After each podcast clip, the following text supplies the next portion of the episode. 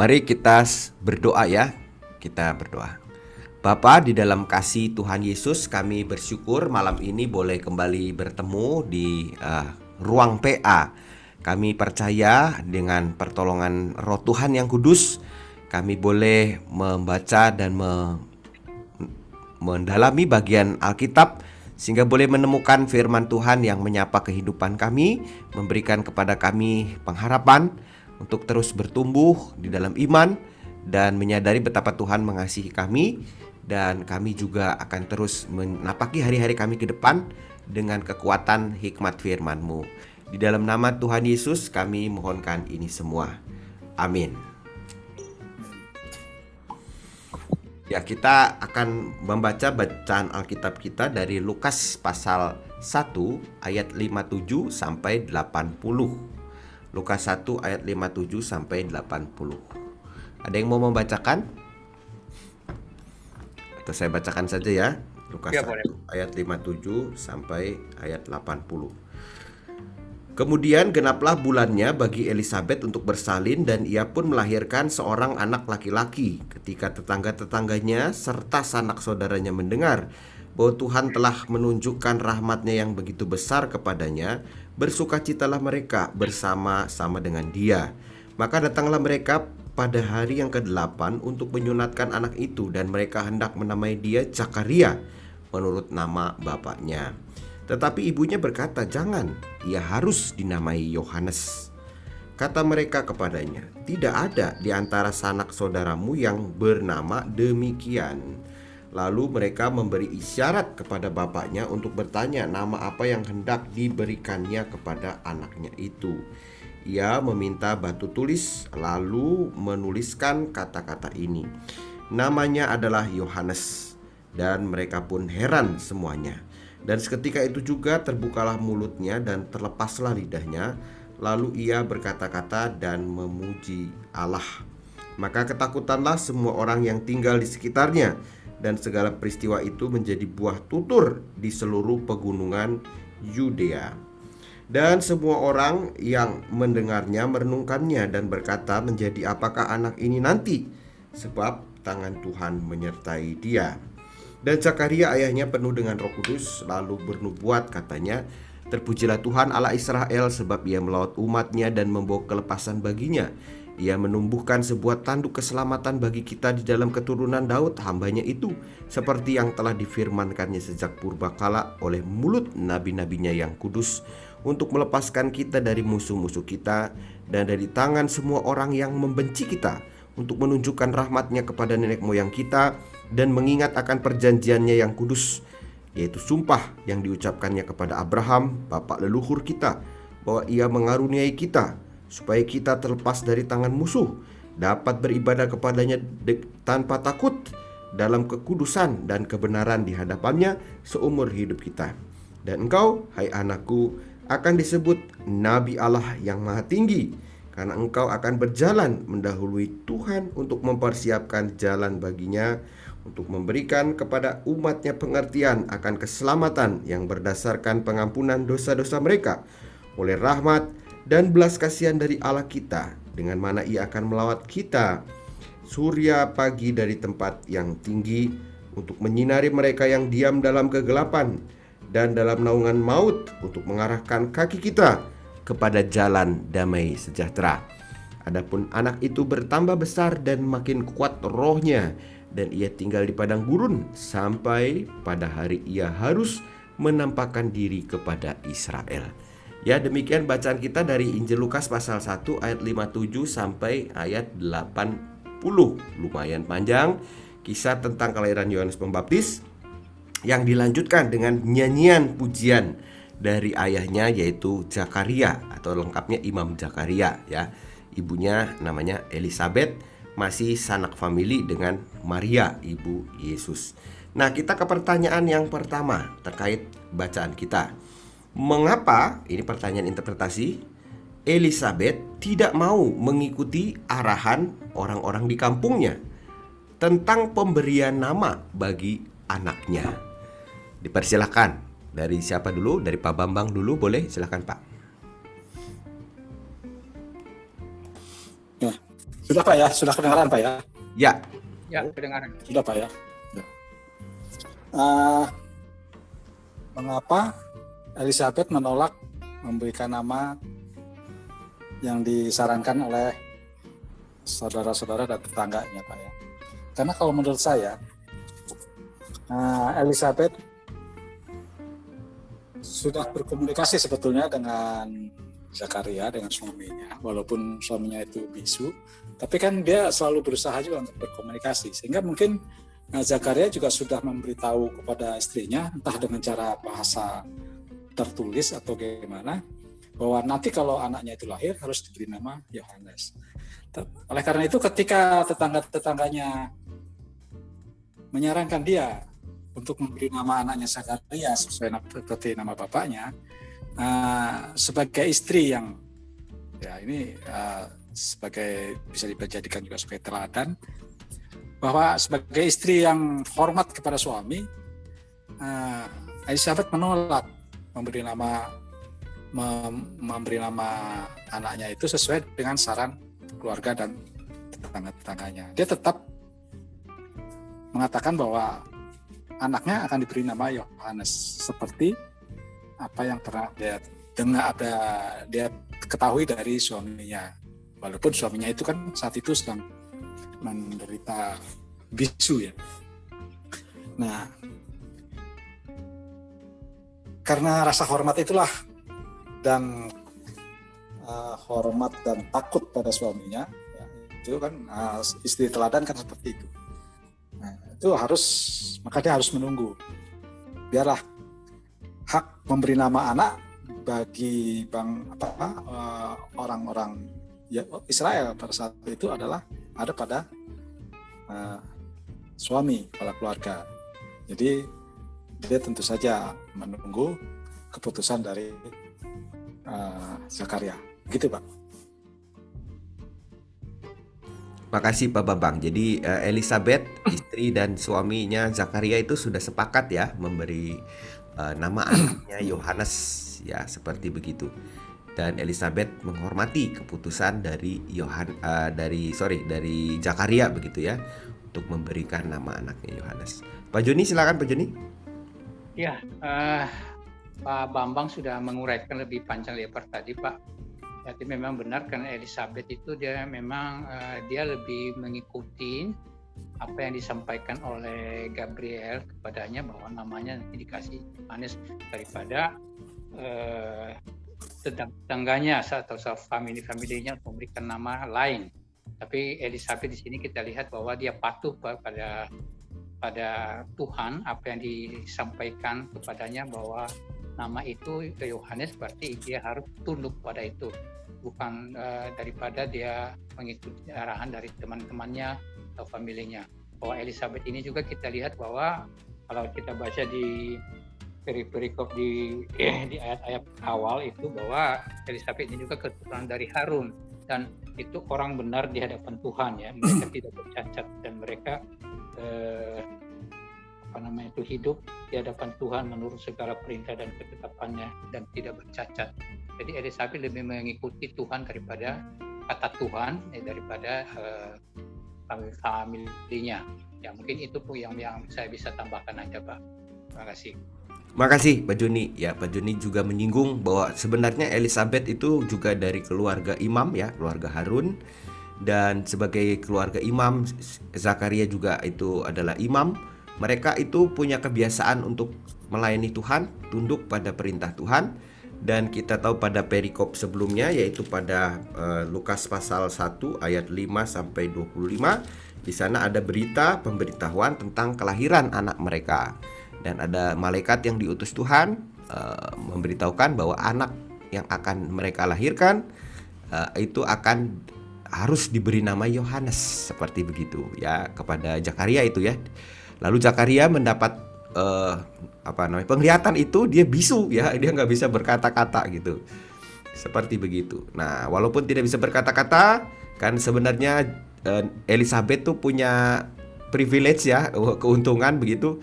Waktu uh, Zakaria bisu dia bisa aja kan ya oh iya ya betul nih namanya ini Zakaria gitu tapi dia tetap menghormati ya oke demikian jawabannya kita bisa ke pertanyaan. sedikit Pak.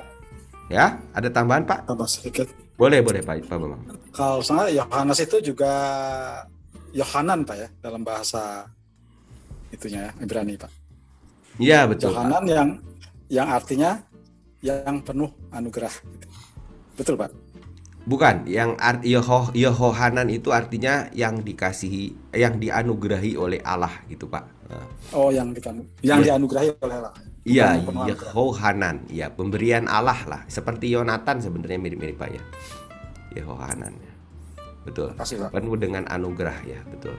Seperti begitu. Jadi Allah yang sangat penuh anugerah yang yang yang penuh dengan anugerah itu kata lainnya hadiah, pemberian gitu ya.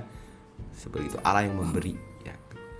Oke, kita ke pertanyaan interpretasi nomor 2. Mengapa setelah Zakaria menuliskan nama anaknya ya di batu tulis itu, dia kemudian dapat berkata-kata kembali?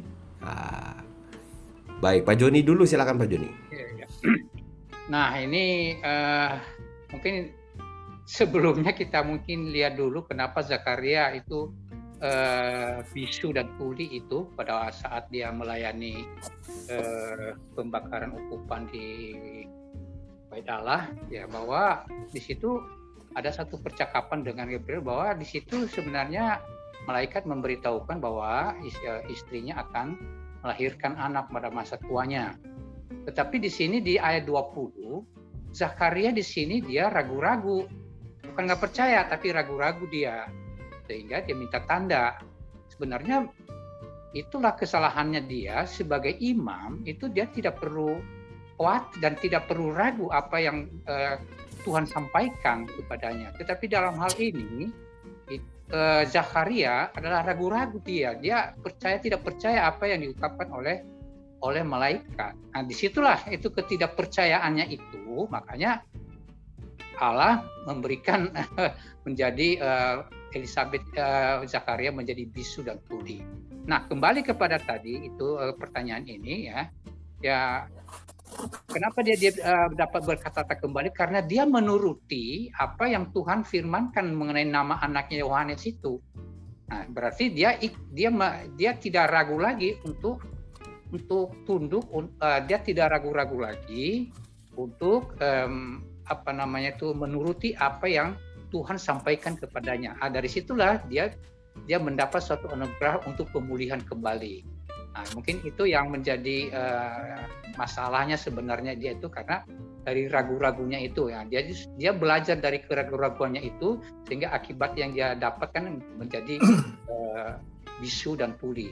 Nah, sesudah itu dia mulai mungkin uh, keraguan-raguannya mulai hilang. Jadi dia lebih percaya kepada Tuhan apa yang disampaikan bahwa nama Yohanes itulah yang di, yang disampaikan yang yang diberikan nama kepada Yohanes. Ya mungkin juga kalau terjadi kalau bukan nama Yohanes yang yang disampaikan yang lain lagi ceritanya kali Pak. Tapi karena memang dia dia uh, tunduk pada perintah Tuhan dan apa yang Tuhan sampaikan dia melakukannya maka dari situlah terlepas semua uh, apa tuh kecacatan tubuhnya bisu dan dan tulinya itu. Nah itu Pak yang bisa saya sampaikan. Terima kasih terima kasih Pak Juni ya jadi latar belakangnya memang uh, waktu malaikat mengatakan dia akan memiliki anak dia sempat ragu begitu ya kata Pak Joni sehingga dia kemudian ya menjadi bisu begitu ya sampai hari dinyatakan saatnya kenyataan itu ya. Nah, lalu Zakaria menurut akhirnya ya apa yang disampaikan malaikat Tuhan ya dan oleh Tuhan sendiri juga ya. Malaikat itu kan utusan Tuhan untuk memberi nama anaknya Yohanes maka pada saat itu ia dapat berkata-kata kembali. Silakan Pak Bambang, ditambahkan Pak. Saya kira sudah cukup Pak, sudah cukup. Baik. Semua. Nah, jawab Pak Yudi. Oke. Kita ke nomor tiga ya. Dalam nubuat yang diucapkan Zakaria, apa saja yang disinggung soal karya Tuhan dan karya Yohanes kelak nanti sesudah ia dewasa. Dari Pak Bambang dulu, silakan Pak Bambang. Ya, dari karya Tuhan bahwa Tuhan itu akan memberikan kepada kepada umat manusia itu seorang penyelamat ya. dan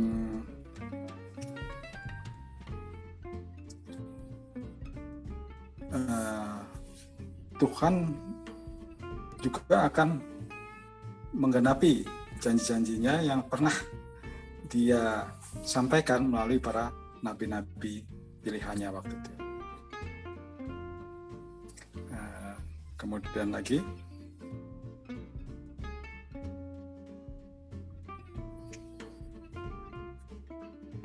kemudian kepada Yohanes untuk Yohanes itu bahwa Yohanes kelak akan disebut sebagai nabi Allah yang maha tinggi yang akan diutus untuk mendahului Tuhan untuk merintis jalan bagi Tuhan.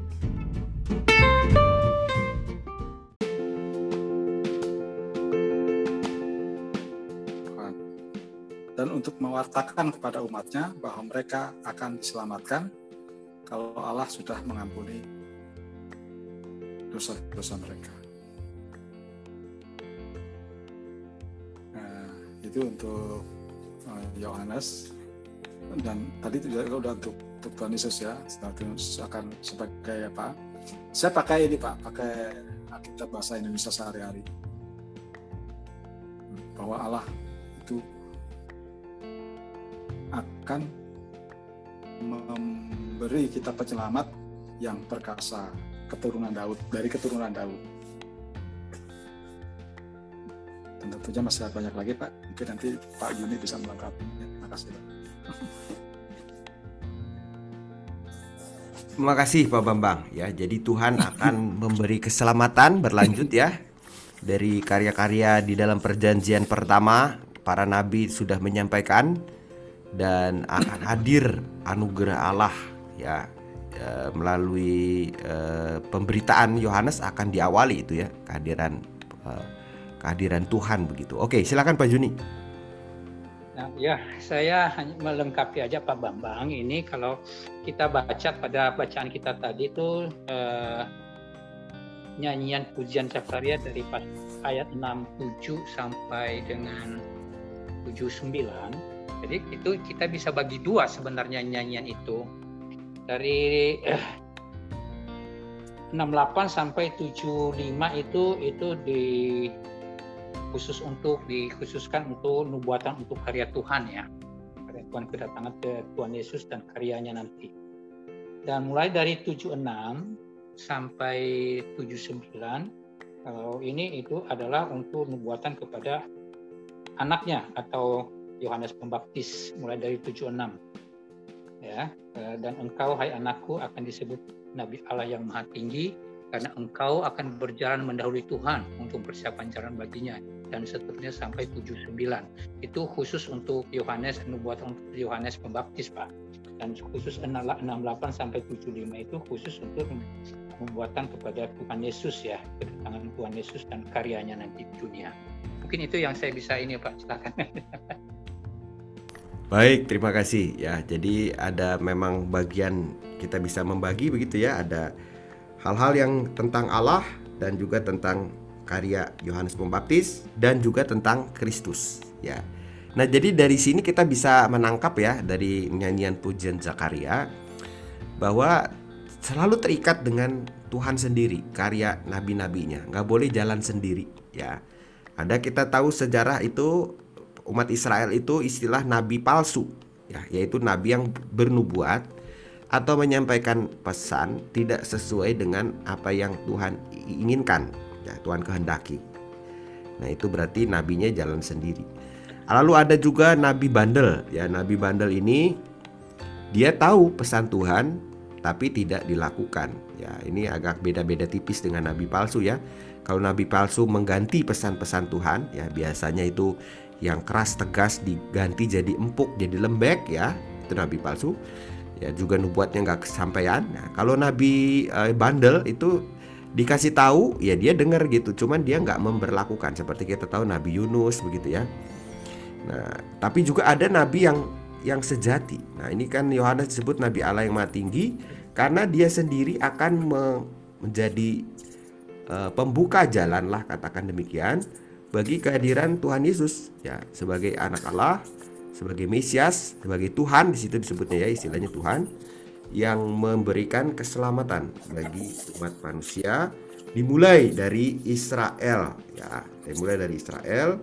Israel itu akan uh, diampuni ya lalu akan dikaruniai dilepaskan dari tangan musuh sehingga dapat beribadah kepada Tuhan dengan tanpa takut dalam kekudusan di dalam kebenaran seperti begitu. Uh, dan akan diberikan keselam apa? Di ayat 77 itu khususnya ya. Akan diberikan pengertian. Umatnya itu akan keselamatan yang berdasarkan pengampunan dosa dan oleh karena belas kasihan dari Allah. Ya. Allah yang melawat umatnya dan kita tahu bahwa ritus baptisan atau tindakan pembaptisan itu terkait erat dengan eh, pengampunan dosa yang diberikan Tuhan. Ya, orang-orang yang datang kepada Yohanes memberi diri dibaptis itu orang-orang yang ngaku dosa, ya, yang butuh pertolongan Tuhan. Lalu baptis itu seperti dibersihkan ya badan luar itu, tapi juga uh, hidup yang baru ya gitu begitu dari air itu seperti seperti apa ya mengulang kita lahir dulu sih sebenarnya. Kita kan lahir kan ada air ketuban gitu ya. Terus kita keluar dari rahim ibu kita ya lihat dunia ya gitu juga ngulang peristiwa itu sebenarnya ritus baptisan itu. Ya memang eh, tradisi kemudian itu nggak terlalu penting sebenarnya mau dibaptis selam atau percik tapi yang penting itu adalah eh, pembaruan pikiran dan hati kalau ada yang lebih mentingkan misalnya, wah ini mestinya caranya selam ya, karena Tuhan Yesus selam. uh, ya kalau kita nyelam keluar gitu kan ke air jadi lebih mirip waktu seperti kita lahir gitu ya. Nah, ada yang berkutat di metode tapi juga pada akhirnya nanti kehilangan uh, maknanya juga nggak nggak tepat juga gitu ya. Tapi intinya apa apa pun metode dan tradisinya ya baptisan itu Jauh itu dinyatakan di dalam nama Bapa, Anak, dan Roh Kudus seperti pesan Yesus dan diawali oleh pengakuan dosa dan percaya akan anugerah Allah yang menyelamatkan, maka itu adalah baptisan yang yang kudus ya, baptisan yang mengubahkan hidup. Oke, ada lagi yang mau ditambahkan Pak Juni, Pak Bambang, silakan untuk pertanyaan nomor tiga. Mau tanya Pak? Mau ya boleh. Uh, jadi uh, yang mengenai baptisan yang Bapak barusan sampaikan itu, itu apakah sama dengan yang dimaksud oleh Tuhan Yesus di dalam Injil Yohanes pasal berapa? Pasal 3 ya. Yang mengatakan bahwa lahir baru itu, lahir dari roh dan dari air. Eh, lahir dari air dan dari roh. Apa itu, Pak? Terima kasih, Pak. Ya, makasih Pak Bambang pertanyaannya. Nah, percakapan Tuhan Yesus dengan Nikodemus disinggung tentang baptisan air dan baptisan roh. Jadi memang yang dimaksudkan baptisan air yaitu yang tradisinya ya, ya caranya itu ya. Ada yang secara selam, ada yang secara percik ya. Bahkan ada yang pakai bendera ya, gereja-gereja bala keselamatan. Ada juga saya mendengar dalam sejarah gereja di mana Anda ada air pakai pasir gitu ya Nah, itu baptisan ya, seperti begitu, ya, tapi umumnya menggunakan air. Nah, lalu baptisan roh itu satu paket sebenarnya. Tuhan Yesus tidak memisahkan. Yang dimaksud dengan baptisan roh adalah baptisan yang dilakukan oleh karena dorongan gerakan dari Roh Kudus yang ada di dalam pikiran dan hati kita sehingga hati kita menjadi lembut untuk percaya kepada Allah yang menyelamatkan dan kita tahu kita ini berdosa. Kita percaya. Nah, gitu ya. Jadi baptisan roh itu seperti itu artinya. Digerakkan oleh roh Tuhan. Nah, kalau istilahnya Tuhan Yesus Nikodemus dilahirkan dari atas. Jadi berangkat dari dalam diri sendiri, nggak ada paksaan, nggak ada kemunafikan, nggak ada coba-coba, nggak ada uh, hal-hal yang sifatnya uh, apa dibuat-buat gitu ya tapi dari kesadaran aku ini berdosa, aku butuh pengasihan uh, dari Tuhan. Dan kesadaran itu kemudian dilanjutkan dengan tindakan memberi diri dibaptiskan. Nah, oleh sebab itu uh, baptisan istilah baptisan Roh Kudus itu artinya adalah sama sebenarnya dengan baptisan air ya. Saat baptisan air itu kita terima tanpa paksaan, tanpa uh, dipaksa ya, uh, dan tetapi lahir dari betul-betul kedalaman hati. Ya. Nah makanya kalau di kita itu di sebelum dibaptis itu ada proses belajar ya kata kasasi, uh, ada yang reguler itu kurang lebih 9 sampai 12 bulan lalu di, di akhir pembelajaran itu ditanya kesungguhannya nah, apakah kamu betul-betul mau ikut Tuhan dan sebagainya dan ketika mereka menjawab itulah jawaban itu kita tahu dari Roh Kudus ya. Nah, oleh sebab itu waktu saat dibaptis juga ditanya ulang mereka menjawab satu-satu lalu dibaptis. Nah maka eh, di dalam tradisi eh, kita GKI baptisan Roh Kudus itu terjadi pada saat kita dibaptis air itu ya. Karena kita tahu nggak mungkin dah orang itu mau dibaptis kalau roh Tuhan yang kudus itu nggak berkarya menolong. Jadi itu yang dimaksud yang dimaksud dengan baptisan air dan baptisan roh itu begitu.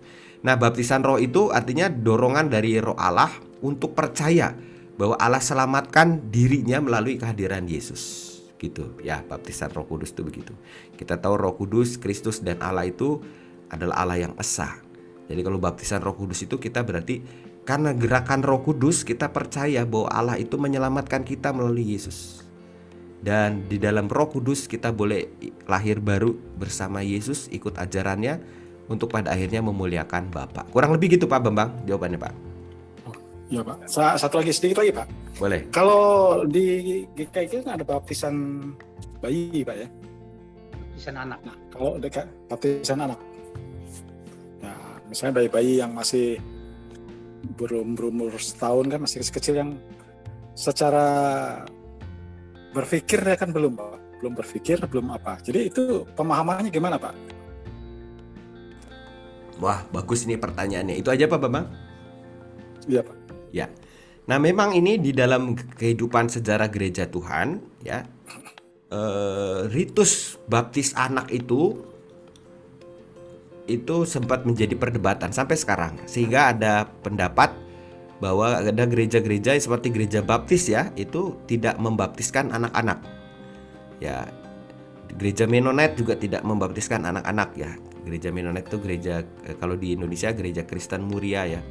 Dan saya nggak tahu lagi yang lain ya. Rasanya tapi yang karismatik juga enggak pak? Oh iya karismatik, karismatik juga, juga ya. betul betul ya. Betul makasih pak bang. Mereka adanya penyerahan anak ya. Oke. Nah, kenapa kok GKI ini mengikuti uh, atau melakukan sakramen pembaptisan untuk anak-anak? Dasarnya adalah pertama sekali anugerah Allah. Kita tahu bahwa baptisan itu adalah sebuah tanda, ya, tanda atau meterai dari perjanjian Allah yang menyelamatkan. Jadi kalau kita tanya apa sih dasar untuk membaptis? Ya memba eh, dasarnya itu karena Allah mau bertindak menyelamatkan kita. Allah mau memberi keselamatan gratis asal kita mau mengaku dosa dan sejak dan kita mau berjanji berjalan bersama dengan Dia. Tanda perjanjiannya adalah baptisan. Nah, GKI melihatnya begitu. Jadi memang GKI tidak menyangkali bahwa memang yang anak-anak itu belum apalagi bayi ya, belum bisa mengaku percaya. Tapi kita dasarkannya bukan sekedar pengakuan percaya si bayi, tapi kita me me menyadari bahwa sepanjang sejarah sejak perjanjian pertama Allah juga menyelamatkan eh, anak-anak uh, ya seperti begitu. Bahkan kita tahu semua itu dimulai dari anak-anak. Nah, ini Yohanes Pembaptis saja kan dari dia di dalam kandungan Allah sudah sudah sayang, sudah menyatakan janjinya. Siapa lagi? Abraham, Ishak, ya, Yakub. Semua anak-anak itu Tuhan reken, Tuhan hitung. Waktu kita juga tahu ya, Tuhan Yesus didatangi anak-anak, Tuhan Yesus juga mengasihi, enggak menolak dia. Nah, oleh sebab itu dasarnya karena perjanjian penyelamatan oleh Allah bagi manusia itu juga melingkupi anak-anak, kita melaksanakan sakramen baptis untuk anak-anak berdasarkan pengakuan dari orang tuanya. Makanya kalau di pembaptisan anak yang ditanya, ya kalau yang umum kan yang ditanya yang mau dibaptis. Kalau anak-anak itu yang ditanya orang tuanya. Percayakah saudara akan Tuhan Yesus yang menyelamatkan dan membuat kita itu menerima anugerah Allah, Roh Kudus yang membimbing kita? Ya, percaya. Ya. Nah, yang berikutnya adalah berdasarkan percaya itulah maka anak-anak dibaptiskan. Tapi juga ada tambahan selanjutnya untuk melengkapi ya di dalam tradisi baptisan anak GKI bahwa anak uh, orang tua itu berjanji ya untuk menjadi membimbing anak-anak mereka ini untuk pada saatnya mereka juga mengakui iman percayanya secara sendiri ya bukan hanya di katakanlah diwakilkan ya atau diucapkan oleh orang tuanya bahwa dia itu diselamatkan dia itu dianugerahi Allah tapi si anak sendiri nanti pada waktunya ya itu makanya istilahnya disidik atau disidik sebenarnya ya. disidik dilihat gitu apakah dia betul percaya bahwa dia sudah menerima anugerah Allah yang menyelamatkan pada waktu baik itu. Nah makanya baptisan anak dilengkapi dengan pengakuan percaya atau konfirmasi atau CD. CD itu sifatnya bukan baptisan ulang, tapi si anak ditanya, "Eh, eh, nak, nak, ya kasarannya begini kamu tuh udah diselamatkan loh oleh karena anugerah Allah di dalam Yesus dan pertolongan Roh Kudus. Kamu udah ikut dalam perjanjian ya bersama-sama dengan apa-apa mamamu. Kamu percaya nggak? Kamu itu selamat. Nah itulah CD lalu si anak menjawab kan ya saya percaya. Ya kayak gitu. Nah jadi GKI melengkapi memang baptisan anak plus juga dengan sidik atau sidik ya pengakuan percaya itu konfirmasi. Karena kita juga uh, me, apa ya namanya ya kita menyetujui ya pendapat gereja baptis ya gereja karismatik bahwa memang uh, anak kan belum cukup uh, belum apa ya belum sadar belum secara real dia mengungkapkan tapi nanti kita akan lihat pengungkapannya seperti itu ada ya. CD itu ada seperti itu Pak ajar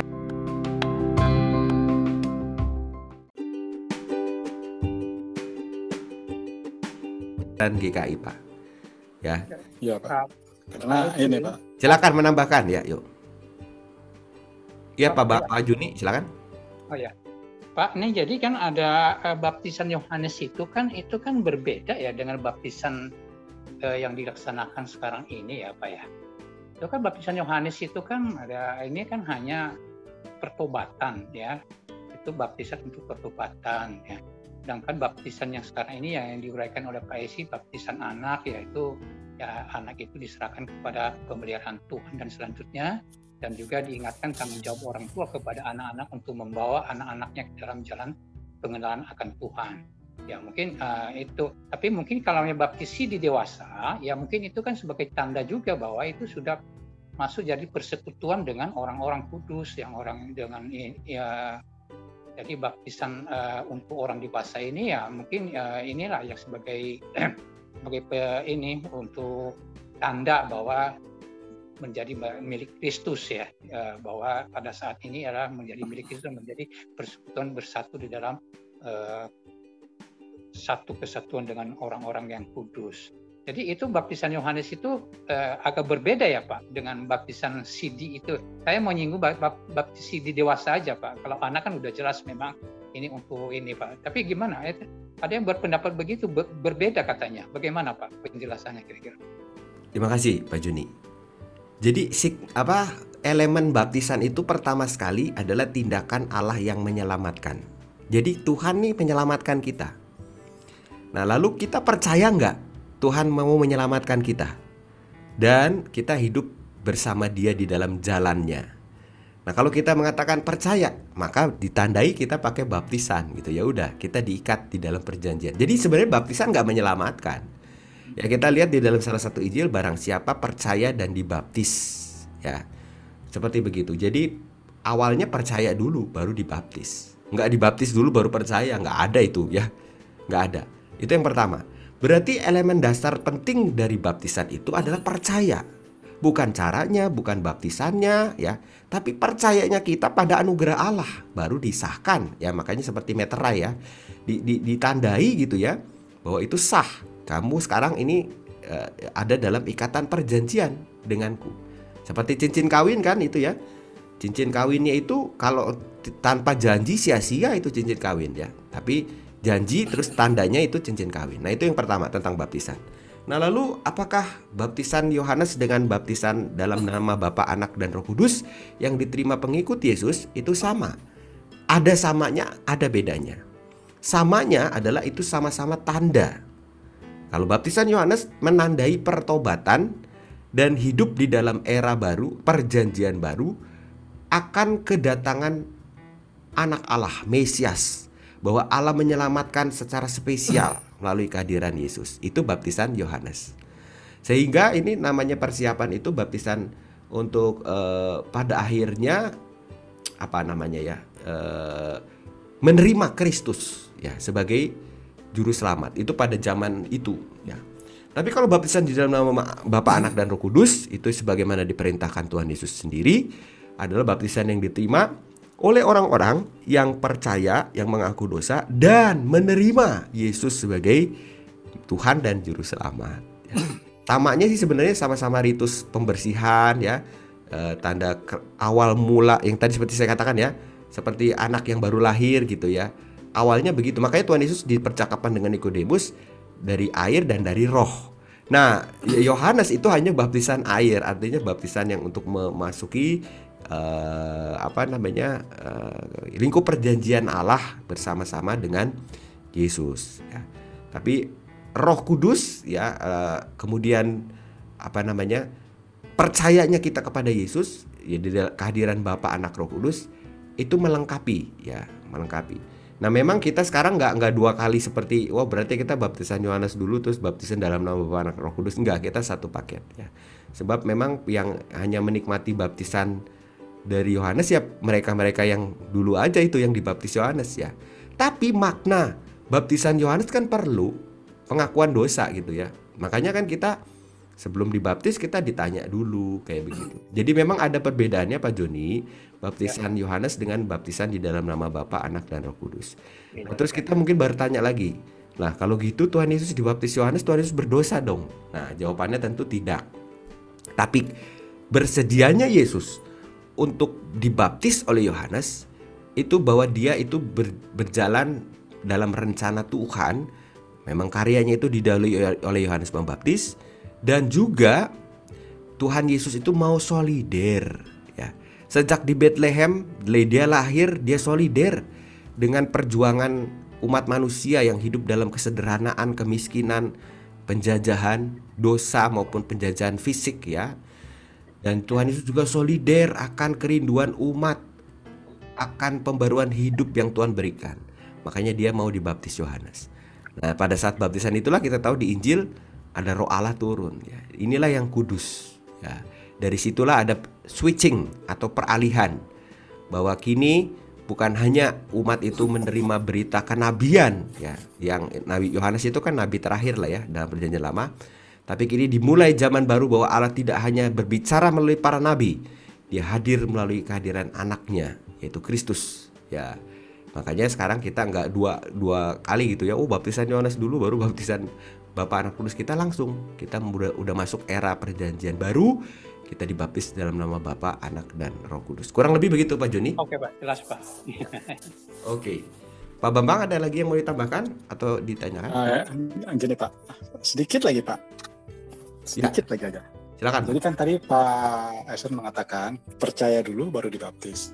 Tapi kan tidak mutlak Pak ya. Misalnya anak anak-anak kan, anak-anak kan dibaptis dulu baru percaya. Nah, saya dulu kan Muslim. Kan nggak mungkin Pak saya katekisasi setahun langsung percaya. Begitu aja kan. Kan masih pikiran kan masih ke sana sini kan. Tapi kan kemudian dibaptis.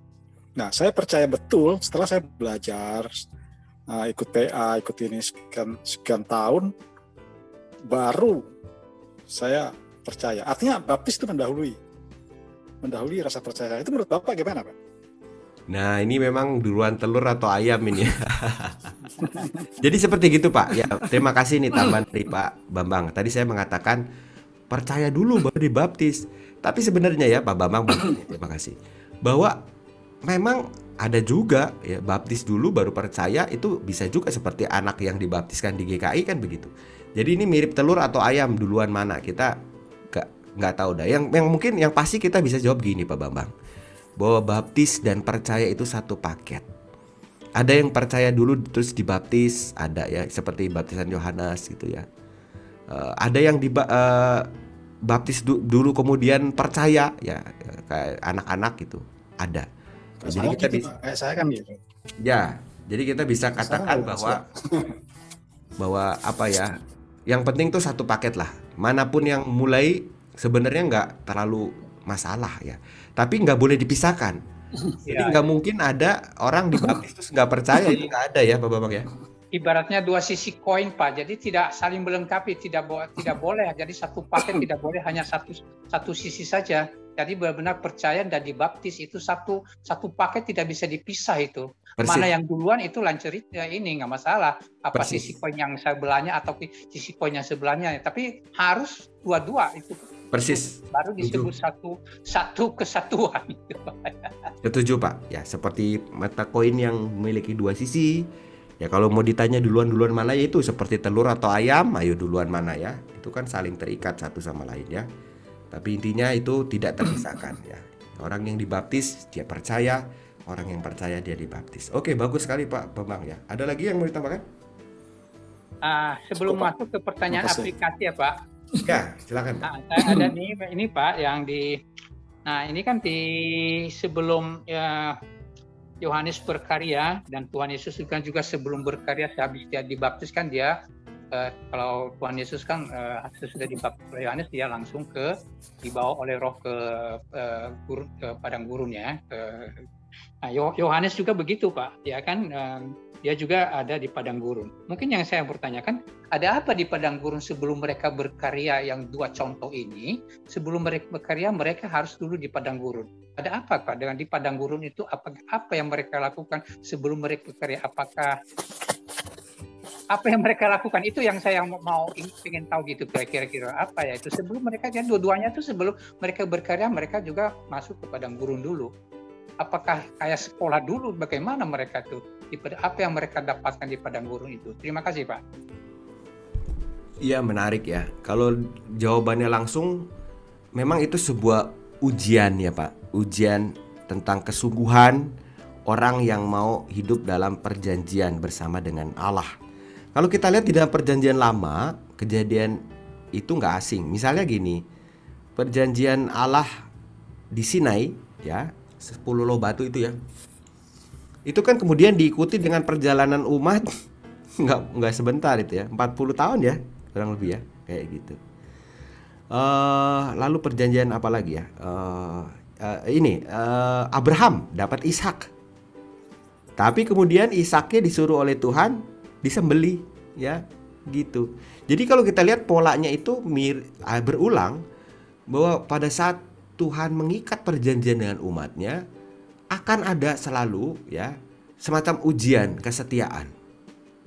Nah, peristiwa Tuhan Yesus dibawa ke padang gurun ya, itu menunjukkan bahwa Tuhan Yesus menang nah, uh, dalam ujian itu ya dalam cobaan itu oleh iblis ya. Lalu itu menjadi pertanda bahwa tepatlah kita untuk boleh ikut Kristus ya dan dibaptis di dalam nama Bapa, Anak dan Roh Kudus. Kita mengikuti uh, apa Kristus ya. Karena memang kan kalau secara sejarah kan kronologisnya keselamatannya itu setelah nabi-nabi maka Allah mengutus anaknya ya, anaknya Kristus itu. Jadi nggak perlu ragu lagi, udah di udah dites, udah diuji dan lulus. Seperti gitu kurang lebih Pak. Jadi memang selalu ada pola uh, kita ikat perjanjian Allah itu mengadakan semacam ya kalau ada istilahnya kalau militer tuh kawah candra di muka gitu ya. Digembleng ya di dikuatkan. Kalau saya lebih semacam ya tadi Pak Pak Joni katakan ya sekolah ya be begitulah memang Pak ya. Nah kita mengikuti jejak Tuhan Yesus kita jadi nggak kaget kalau menghadapi peristiwa padang gurun kita ya. Kita akan digoda oleh iblis untuk lepas ya dari ikatan perjanjian itu. Kalau saya bayangkan Tuhan itu ulurkan tangannya, dia pegang tangan kita, maka iblis akan berupaya, udah ngapain sih kamu megangin tangan Tuhan? Ngapain kamu ngikuti Tuhan ya, berjanji jalan sama dia? Ikuti aja kehendak kamu sendiri ya. ikuti aku. Nah, kayak gitu. Itu sepanjang uh, hidup beriman kita akan ada. Dan umat beriman yang para pendahulu iman kita juga ngalamin itu ya. Abraham waktu Ishak diuji ya. Uh, maksudnya Ishak diminta oleh Tuhan ya dites. Lalu umat Israel jadi umat Tuhan dibebaskan, dididik di uh, gurun ya, jatuh bangun, jatuh bangun, jatuh bangun gitu. Tapi lolos ya. Mereka tuh di dalam kepemimpinan Yosua ya lolos, Abraham juga lolos. Nah makanya kita ikuti mereka jejak-jejak mereka tuh ya. Dan kita jadi nggak kaget gitu kalau diuji. Kurang lebih gitu Pak Joni? Ya eh, mengenai Yohanes ini ada juga pernah saya baca dan pernah juga saya dengarkan eh, dengar dari khotbah juga bahwa di dalam perjanjian lama seperti kan ada pembagian-pembagian itu ada ada ini ya ada golongan-golongan seperti golongan Saduki, golongan uh, ahli Taurat, ada lagi golongan Eseni, ada beberapa Eseni. Nah, Yohanes ini katanya masuk masuk golongan Eseni. Jadi ya golongan Eseni itu mereka cenderung mereka tuh uh, menghindar atau menjauh dari dari keramaian atau dari uh, hiruk pikuk, hiruk pikuk dari kota dan segala macam. Jadi termasuk ini uh, uh, apa namanya itu Yohanes itu termasuk golongan Eseni. Apakah benar begitu Pak? Gimana Pak? Benar? Kan dan saya tidak puas kalau hanya satu ini aja dengan dijelaskan Pak Is tadi sudah cukup uh, sudah memenuhi ya itu apa yang saya uh, inginkan mungkin uh, ter, uh, terpenuhi lah apa yang saya ini. Tapi kalau hanya satu sisi aja kalau dibilang Yohanes itu termasuk golongan eseni yang menghindar atau yang mengasingkan diri dari keramaian, apakah uh, apakah itu bagaimana itu Pak? Benar nggak begitu pemahamannya begitu? Terima kasih. Makasih Pak Joni. ya, para ahli kitab suci selain meneliti teks kitab suci juga meneliti pola-pola kebiasaan umat Tuhan ya di dalam kitab suci.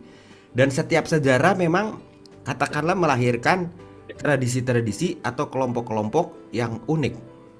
Pada zaman Tuhan Yesus sendiri kita tahu umat Tuhan dan yang serius dekat Tuhan itu menggunakan beberapa pendekatan.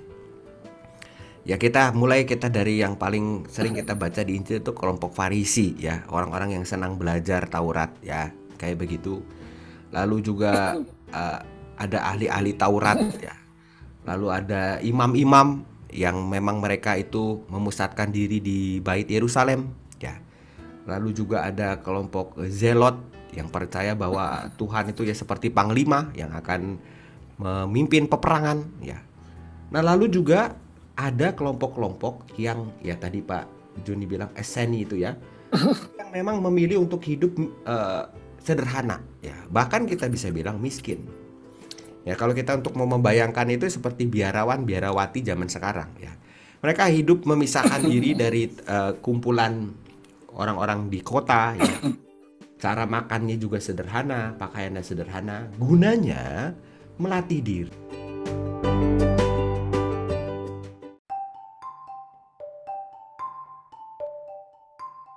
untuk tidak tercemar dengan pola-pola kebiasaan uh, dari orang-orang yang hidup di kota. Kayak gitu. Dan kalau kita lihat gaya seperti kelompok Eseni itu juga muncul kok di dalam tradisi-tradisi sebelumnya ya. Kita tahu misalnya Simpson itu jadi nazir Allah ya. Dia itu tidak tidak digunting rambutnya ya. Uh, dan kita tahu juga uh, nabi-nabi ya ada ada ada yang apa namanya ya ada nazar ya ada ada hal yang mereka itu hindari ya. Yang seperti Elia itu itu dia menyendiri nggak ikut kumpulannya Raja Ahab ya yang menyembah Baal gitu. Jadi selalu ada tradisi mengasingkan diri itu. Nuh ya Nuh itu e, bergaul karib dengan Allah makanya dia bangun bahtera gitu. Nah Yohanes Pembaptis memang para ahli kitab suci itu banyak yang setuju. Ya, kita juga tadi baca di ayat Lukas 1 ayat 80, adapun anak itu bertambah besar, makin kuat rohnya, ia tinggal di padang gurun sampai pada hari ia harus menampakkan diri kepada Israel. Jadi sejak kecil Yohanes Pembaptis itu sebagai nabi dikhususkan ya untuk boleh untuk tidak uh, tercampur lah ya pola-pola kebiasaan hidupnya dengan menyendiri. Nah itulah kemudian yang para ahli melihat ada jejak-jejak Pak peninggalan kelompok Eseni di mana mereka itu punya ritus permandian ya. Jadi pembasuhan diri itu rutin setiap hari itu Pak ya. Terus mereka itu hidupnya sederhana. Terus mereka menyendiri gitu ya di gurun, di mana di gua-gua gitu ya. Kayak gitu. Itu kelompok Eseni. Makanya diduga Yohanes Pembaptis ini memiliki tradisi ya atau kalau imam-imam Katolik sekarang itu tarekat ya. Fokus concernnya itu memang asketis pak.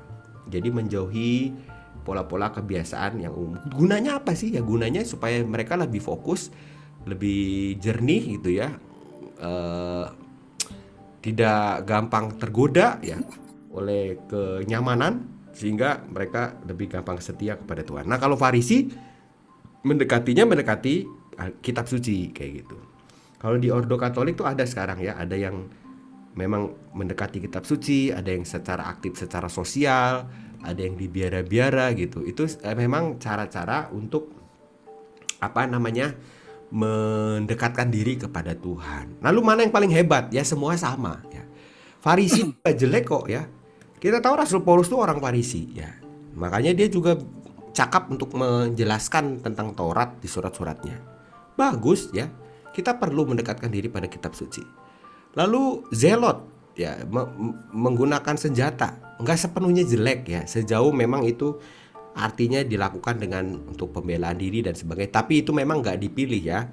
E, sebagai apa namanya e, pembaruan Yesus ya. Karena waktu itu kita tahu murid Tuhan Yesus bawa pedang. Pedangnya dikeluarin disabet itu telinga yang mau nangkep Yesus tapi Tuhan Yesus benerin kupingnya. Jadi memang sejarah kekristenan disetop oleh Tuhan Yesus jangan pakai pedang. Meskipun kalau kamu mau pakai pedang bisa. Meskipun aku mau turunin malaikat bisa. Tapi no itu bukan option kita yang primary. Yang utama option kita adalah kesediaan diri untuk seperti Kristus itu taat pada kehendak Bapa, perjuangkan kasih kepada Allah dan sesama. Ya, jadi memang kita perlu adalah yang bagus dari eseni, ya asketis itu ada. Ada yang bagus dari farisi, ya kita ambil ya tipe-tipe itu. Nah, memang ada kita eh, dikenal sekarang ini ada eh, apa ya eh, katakanlah gaya-gaya spiritual gitu Pak Joni ya Ya, ya. Nah, itu itu itu sudah ada sebenarnya sejak zaman dulu perjanjian lama, perjanjian baru kayak gitu. Kebetulan Yohanes Pembaptis gaya spiritualnya memang asketis. Dan rasanya itu penting ya karena dia supaya nggak tercemari dengan ya kalau misalnya ya waktu kalau misalnya Yohanes Pembaptis itu hidup di kota ya dia mungkin nanti nggak akan bisa kritik Herodes ya yang mengawini itunya karena dia memang dapat misalnya dapat kenyamanan istana ya jadi nggak nggak nggak nggak keluar kan tuh pesannya tapi karena Yohanes Pembaptis itu tinggal di gurun ya dia serius dia nggak mau terjebak dengan kenyamanan dia bisa kritik siapa itu? Herodes ya waktu bertindak tidak patut mengawini saudaranya. Kayak gitu. Jadi kita juga belajar dari tradisi-tradisi spiritual kita perlu menyeimbangkan. Ada saatnya kita perlu asketis. Misalnya kita ya gadget jangan gila gadget lah ya. Semuanya kita di medsos gitu sampai kita lupa atur waktu semisal itu. Itu kan bagus ya tradisi asketis. Daging memang daging enak ya tapi kalau kita juga tahu ada sayur-sayuran ada buah biji-bijian ya perlu ya itu kan sifat menahan diri itu penting sifat seperti farisi ya kita juga perlu kan Nah, gimana kita bisa belajar pengajaran Tuhan kalau kita nggak dekat kitab suci? Jadi setiap tradisi itu berharga, gitu. Jadi begitu Pak, apakah eh, Yohanes uh, dari tradisi SNI diyakini gitu Pak? Dia punya ke kebiasaan asketis, dia punya kebiasaan mandi gitu ya, membersihkan diri ya. Makanya diduga Yohanes ini dari tradisi yang SNI gitu. Gitu ya. Pak Pak Joni. Baik, makasih Pak. Makasih Pak. Makasih. Ya. Makasih. Oke, mantap ini ya. Kita bisa lanjut ke yang berikutnya. Pertanyaan aplikasi ya.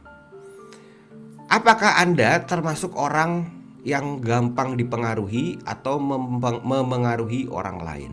Mengapa? Dari Pak Joni dulu ya. Silakan Pak Joni.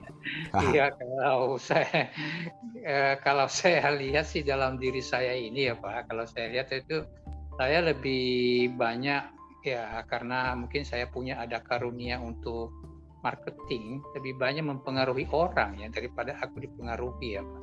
Kalau aku juga dipengaruhi, saya jangan saya juga kritis. Ya, jadi saya tidak begitu langsung eh, apa namanya langsung percaya. Jadi saya mesti harus ini dulu ya benar-benar mengaminkan mengiyakan sesuatu itu tidak gampang bagi saya. Ya harus benar-benar ini juga memang. Tetapi kalau mempengaruhi orang, ya memang saya sering hampir uh, memang talenta kali untuk mempengaruhi apalagi orang-orang marketing saya dulu kan dari marketing kan memang jadi jurusan saya juga dari marketing kan dan memang apalagi di, di dunia saya juga ini banyak banyak hal-hal ya. Mungkin ya yang tadinya orang tidak mau beli contohnya menjadi orang beli jadi mempengaruhi kan. Itu ya. Dan banyak hal-hal lain ya. dan itulah yang saya mungkin duniaku kali pak yang mungkin itu yang saya nih. Jadi saya makanya jadi lebih banyak mempengaruhi orang daripada aku dipengaruhi orang. Terima kasih pak. Itu oke ya pak Joni itu nggak gampang ya dipengaruhi bahkan cenderung memengaruhi ya kalaupun mau ada yang dipengaruhi kritis gitu ya Pak Joni oke makasih iya. silakan Pak Bambang iya Pak uh, kalau saya itu juga tidak terlalu mudah dipengaruhi. Nah, karena saya selalu uh, tidak cepat-cepat mengambil keputusan. Saya kadang-kadang berpikir. Nah, kalau ada orang nawarkan saya, oh ini bagus, ini bagus, murah apa segala macam. Atau di HP saya tiba-tiba ada WhatsApp, nah, Anda akan mendapat hadiah. Ini saya berpikir, hadiah dari mana? Gitu kan. Nah, saya tidak mudah dipengaruhi saya selalu berpikir dulu berpikir logis gitu ya kak mungkin kan orang memberi hadiah begitu saja membuang-buangnya begitu saja pada orang yang tidak kenal tidak berbuat apa-apa tiba-tiba saya misalnya saya pernah dapat telepon dari rumah kata ngakunya dari Taspen kan saya pensiunan. Ya, bapak pensiunan. Dia tahu nama saya. Dia bilang bapak uh, segera menghubungi Taspen nomor teleponnya ini ini ini karena akan ada uh, apa istilahnya itu rapelan katanya. Sekian. Rapelan dari mana? Taspen aja setengah mati bayar pensiunan. Boro-boro ngasih ngasih uh, hadiah gitu ya. Jadi saya selalu berpikir kritis tapi mempengaruhi orang juga saya tidak punya kemampuan sulit sekali buat saya mempengaruhi orang saya uh, kalau disuruh mempengaruhi orang saya nyerah deh saya kasih kerjaan yang lain aja deh. Gitu. saya memang uh, tidak mudah. Saya menjual, apalagi kayak seperti Pak Yuni itu ya. Orang nggak mau beli bisa jadi beli. Kalau saya enggak. Pernah itu mobil saya yang lama itu VW saya ditawar 5 juta. Bilang, siapa yang nawarin mobil ke kamu? Saya bilang, nah itu Pak, ditaruh situ aja kan. Tapi pada rusak, biarin aja rusak. Saya bilang, nggak bisa mengembangkan, oh ya udah kalau mau kamu segini gitu. Nanti saya enggak, kalau saya langsung marah. Loh, siapa yang kamu menghina sekali mobil saya ditawar 5 juta, motor aja harganya 10 juta lebih. Gitu kan. Padahal mobil saya waktu itu kan masih jalan, masih bagus. Nah gitu. Jadi saya sulit juga mempengaruhi orang. Menjual barang sendiri pun sebuah kesulitan buat saya. Jadi saya biasanya uh, gimana ya, selalu jual murah gitu yang penting cepet gitu. Saya paling males itu tawar-nawar gitu. Kalau beli-beli juga gitu.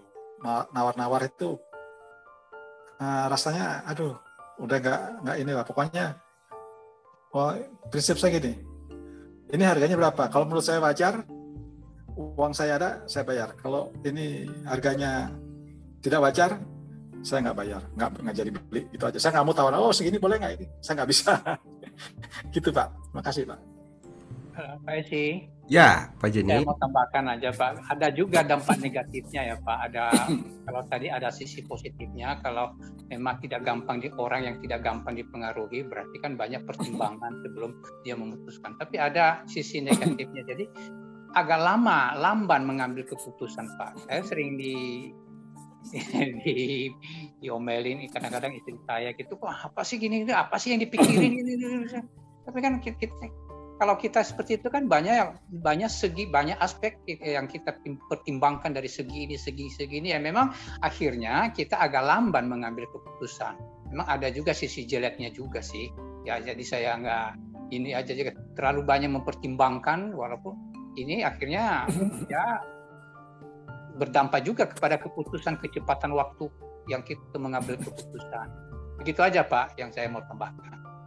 Baik ya, terima kasih Pak Bambang dan Pak Juni ya. Jadi keduanya nih termasuk yang gak gampang dipengaruhi ya, tapi juga kalau Pak Bambang nggak terlalu mudah juga untuk memengaruhi ya. Kalau Pak Juni memang karena talentanya berdagang gitu ya, jadi itu udah terbiasa. Nah tapi tadi ya Pak, Pak Joni ingatkan juga uh, ada jeleknya juga ya. Ya tadi kita lihat kejadian Jakaria ya, karena mungkin dia uh, pakai otaknya gitu.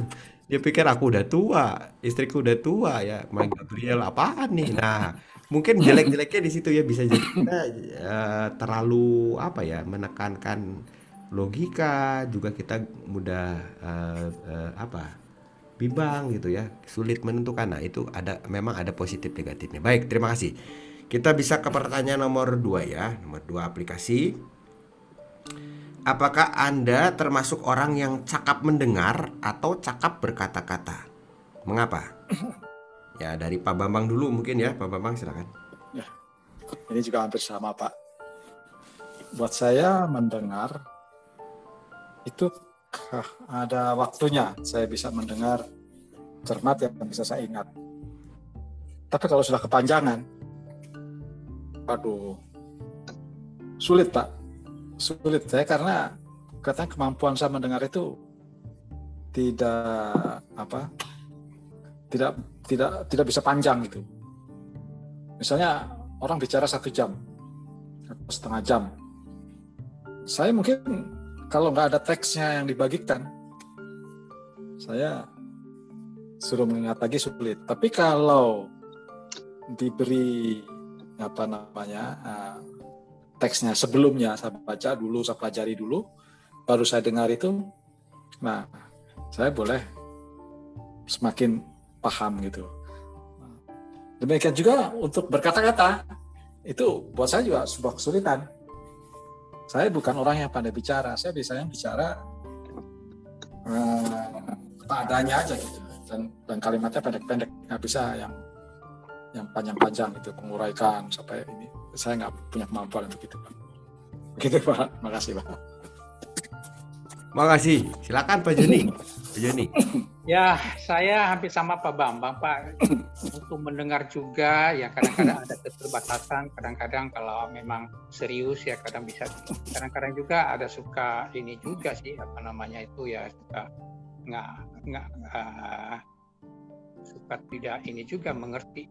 Tapi kalau untuk berkata-kata ini, ya mungkin uh, mungkin banyak ini ya dalam arti berkata-kata ini kan kalau saya aja mungkin itu berkhotbah juga berkata-kata kan atau pidato atau uh, ada yang ahlinya itu ahli pidato yang hebat-hebat itu ya bukan bukan itu saya Pak. Tapi kalau berkata-kata ya saya dalam bidang saya saya memang bisa menguasai bidang-bidang saya gitu ya. Seperti ya contohnya tuh bagian uh, me, apa namanya satu produk itu memperkenalkan suatu produk bagaimana bagaimana ya mungkin saya bisa. Tapi mungkin di, di bagian tertentu. Tapi kalau bercakap-cakap untuk seperti khotbah untuk proklamator untuk menjadi narasi-narasi yang itu memang saya uh, kurang saya pak tidak ini tapi kalau untuk mendengar ya mungkin kalau saya mendengar juga ya cukup baik juga untuk pendengaran saya. Tapi kadang-kadang suka ini juga sih. Tidak ini tidak nyambung juga kadang-kadang ya terkasut itu aja pak saya yang saya ya. Baik ya terima kasih Pak Juni dan Pak Bambang ya. Besok kebetulan kebaktian minggu kita lebih banyak mengupas itu ya soal cara mendengar cara berkata-kata ya. menyikapi nanti karya Yohanes Pembaptis ya pada waktu dia sudah berkarya ya besok ya jangan lupa kebaktian minggu oke nomor tiga apa yang dapat Anda pelajari dari kehidupan Elizabeth dan Zakaria bagi hidup Anda sekarang ini? Ya.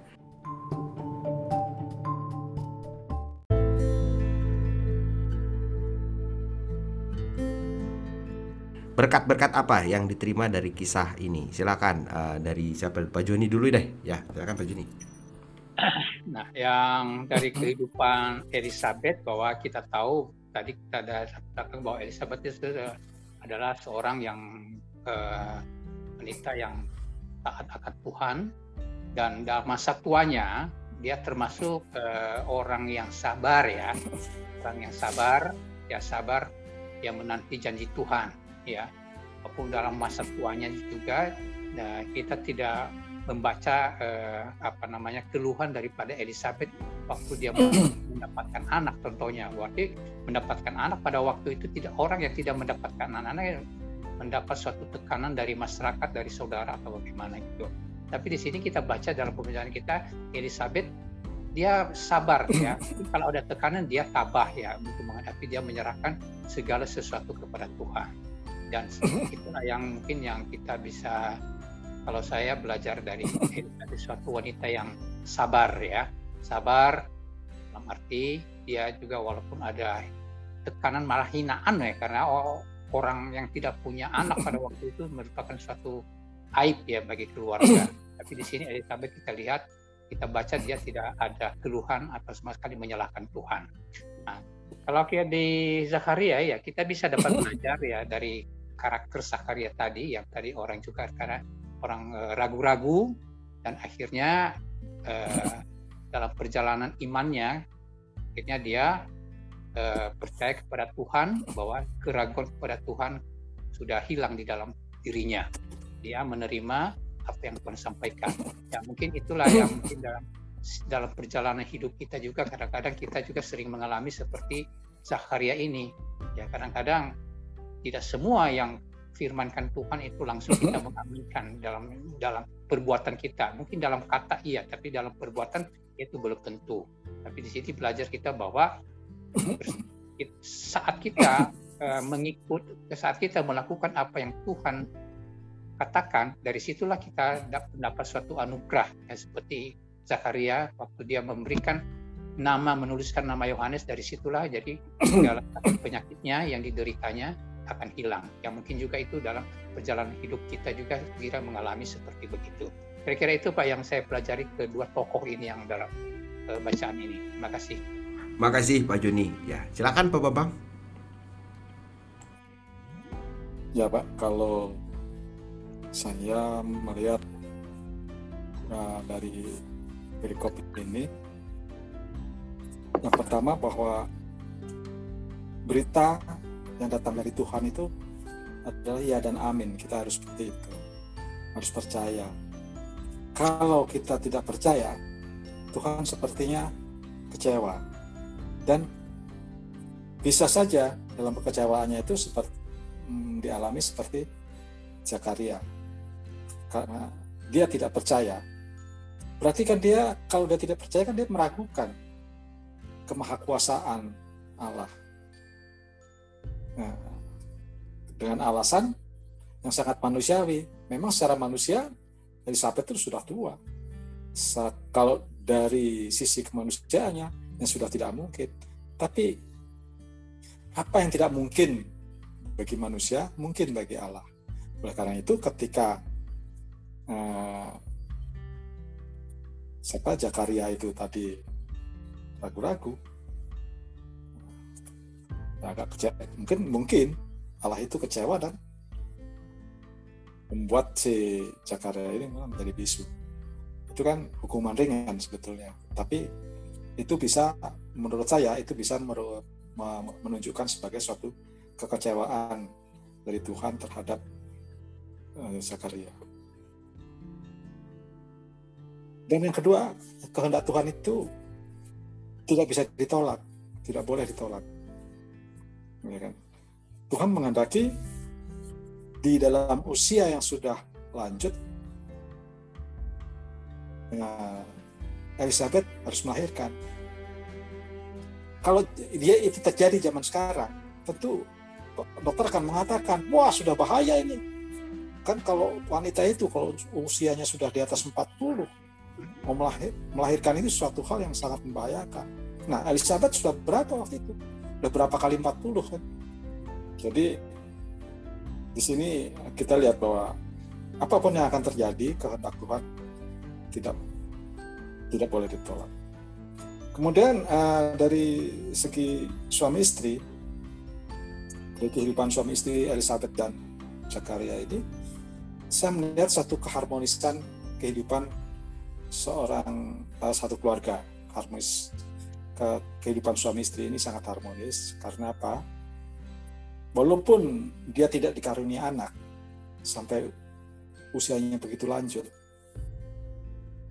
Elizabeth Zakaria tetap setia kepada Elizabeth dan Elizabeth tetap hormat kepada Zakaria.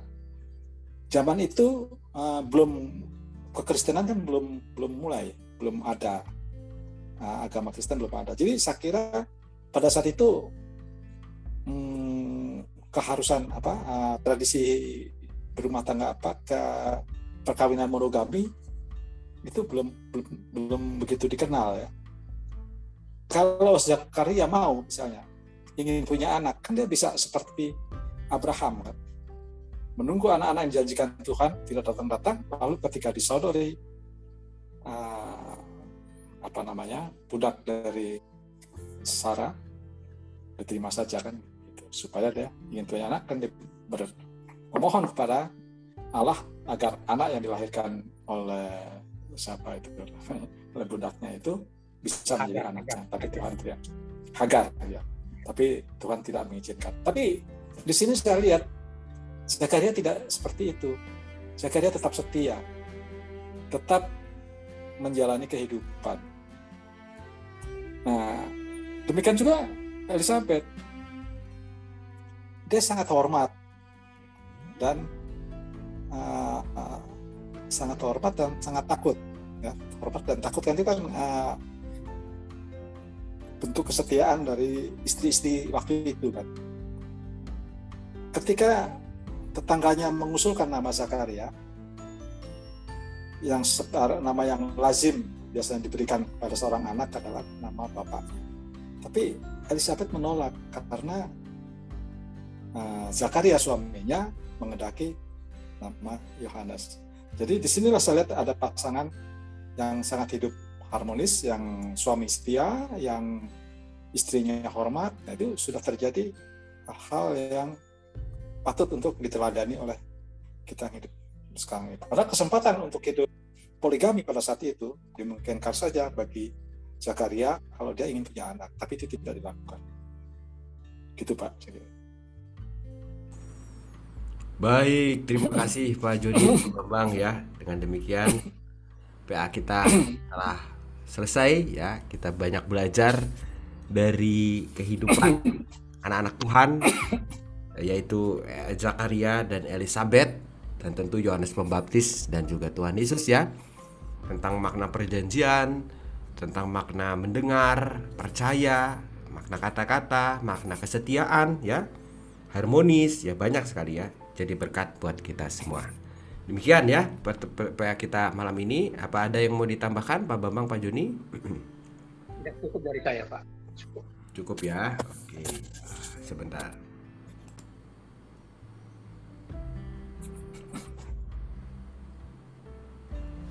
Sebentar. Ya, mari kita akhiri PA kita malam ini dengan doa kita berdoa. Ya Tuhan kami bersyukur firman-Mu memberikan kesegaran bagi jiwa kami. Betapa Tuhan mengasihi kami setia pada janji Tuhan menyelamatkan. Kami melihat kembali pengalaman dari Zakaria dan Elizabeth, anak-anak Tuhan, hamba-hamba Tuhan yang setia, yang berproses tidak mudah, tapi akhirnya boleh melihat betapa Tuhan mengasihi mereka. Bahkan anak mereka, Yohanes, menjadi pendahulu bagi kehadiran Kristus. Dia berkarya dengan penuh keberanian, dengan penuh ketegasan dalam bimbingan cinta kasih Tuhan melalui kehadiran eh, Elizabeth dan Zakaria, bunda dan ayahnya. Dan juga melalui karya Yohanes, karya Kristus dibuka, diperkenalkan kepada publik. Bimbing kami malam ini supaya kami pun boleh terus percaya akan penyelamatan yang Tuhan berikan, kasih sayang, anugerah yang Tuhan nyatakan di masa yang tidak mudah ini, masa pandemi. Kami percaya anugerah Tuhan terus tercurah bagi kami sehingga kami tetap terus boleh berproses dan pada akhirnya kebaikan dan karya Tuhan dinyatakan bagi kami dan juga melalui kami kepada banyak orang. Kami terus dukung dalam doa saudara-saudara kami yang dalam masa pemulihan kesehatan. Tuhan yang memberkati, menjamah bagian yang sakit, memberikan kelegaan dan kesembuhan. Kami terus di dalam dukung di dalam doa kebijakan PPKM darurat biarlah diberkati sehingga kami perlahan demi perlahan memenangkan peperangan melawan pandemi ini. Upaya-upaya pemberian vaksin, pembatasan dan segala kebijakan lainnya Tuhan berkati dan sempurnakan juga upaya untuk membangkitkan lagi ekonomi dan sebagainya. Tuhan berjalanlah selalu bersama dengan kami. Kami juga dukung di dalam doa saudara-saudara seiman kami yang bergumul dalam berbagai hal di dalam hidup mereka, resolusi bagi masalah-masalah yang dihadapi. Tuhan berjalanlah bersama dengan kami. Bimbing kami dengan hikmat dan cinta kasih Tuhan sehingga kami tidak menyerah di dalam ujian-ujian iman, tapi kami dengan kuat kuasa Roh Kudus ditolong untuk boleh percaya dan menikmati bimbingan Tuhan dan mencari solusi bagi setiap permasalahan hidup kami. Terima kasih Tuhan, kami akan berpisah, kami akan beristirahat malam ini. Tuhan kiranya memberkati istirahat kami dan esok boleh berikan hari baru anugerah Tuhan yang kami boleh jalani dengan penuh syukur berbakti di hari Tuhan bersama dengan gereja Tuhan. Ampuni dosa dan salah kami, di dalam Yesus Kristus kami mohonkan doa kami ini. Amin. Amin. Oke, terima kasih Pak Juni, Pak Bambang. Terima kasih Pak Esan. Selamat malam. Ya, selamat malam. Eh, kakaknya Pak Esi gimana Pak? Yang isoman Pak gimana? Sudah ada, ada